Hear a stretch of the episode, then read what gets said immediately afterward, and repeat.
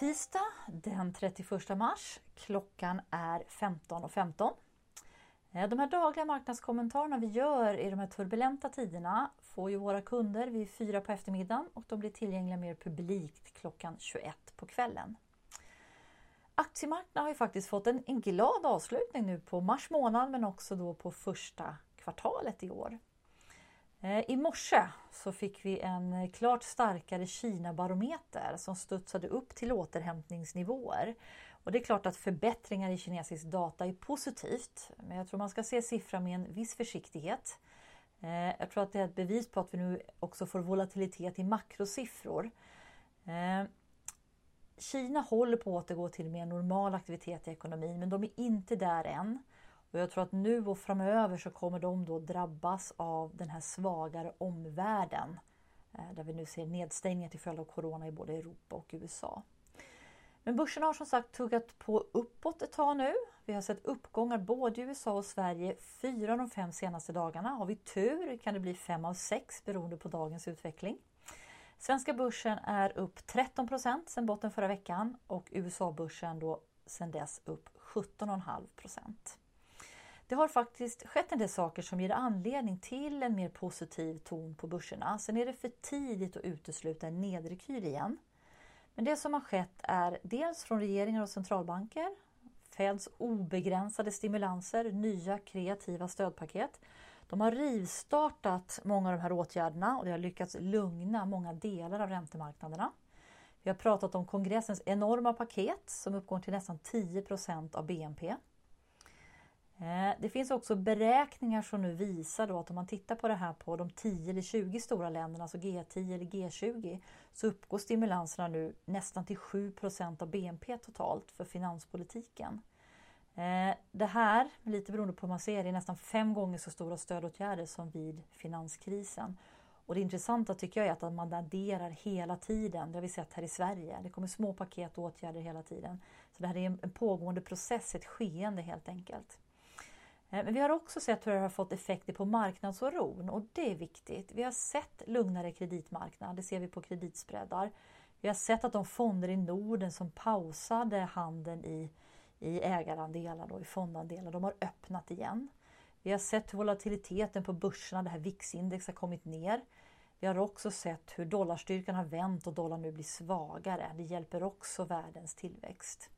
Och vi har sett faktiskt hur Även om virusfallen ökar så ökningstakten ser ut att stabilisera sig. Sett i Italien, vi kanske ser början till det i Spanien. Det stora fokuset som jag sagt tidigare är nu på vad sker i USA. Eh, från analytikerhåll så har vi också sett fler eh, köprekommendationer. Eh, vi har sett det tidigare i operatörer, nu ser vi det också till exempel inom verkstadssektorn. Man talar ofta då om, om attraktiv värdering på ett års sikt när man gör de här lyften i rekommendation till köp. Eh, vi har dock också sett lite mer eh, ekonomiskt hämmande beslut då, eller siffror.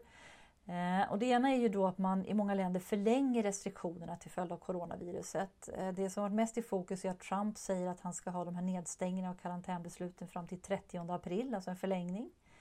Vi ser också hur varsel ökar i flera länder. Den här veckan är den färskaste siffran just från Sverige.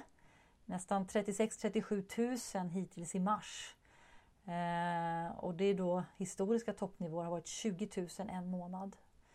Eh, vi får fler siffror torsdag, fredag i USA. Men vi ser också hur bolag gör eller minskar utdelningar. Vi ser också hur man minskar aktieåterköp, framförallt i USA. Och det är intressant för det har varit en av de viktiga drivkrafterna för amerikanska börsen.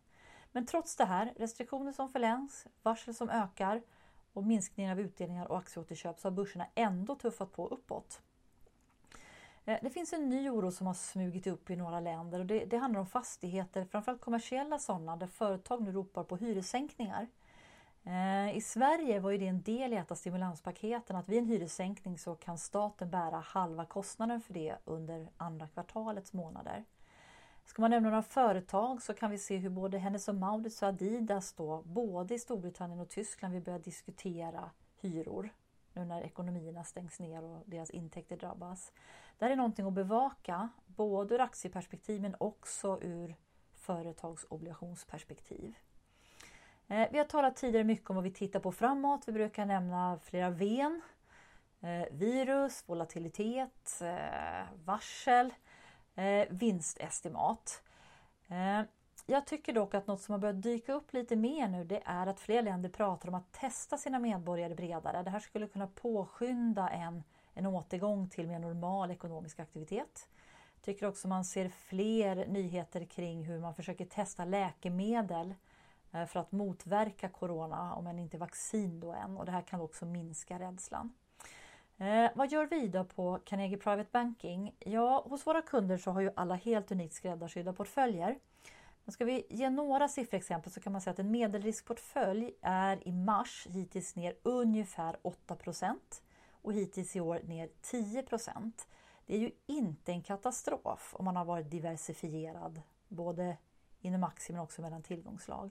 Utan aktier är tillbaka på nivåerna i början på 2019. Under mars månad under turbulensen så har vi varit mycket aktiva i samtliga våra portföljer, alltså svenska aktier, utländska aktier men också i räntebärande och alternativa investeringar. Prata gärna med din rådgivare för att få våra bästa aktuella idéer just nu. Efter börsfallen så valde vi att rebalansera vår förvaltning förra veckan, det vill säga återgå till en normal aktievikt. Så vi köpte både svenska och utländska aktier. Det här är inte ett uttryck för att vi är stora optimister. Eh, det kan kortsiktigt falla ner igen på börserna. Men vi bedömer att sannolikheten för upp respektive nedgång nu är mer balanserad efter det här positiva som har skett med stimulanser och virusstabilisering. Kom också ihåg, eh, börsen vänder före ekonomin. Och det är lätt att man inte hinner kliva på en uppgång när den väl kommer.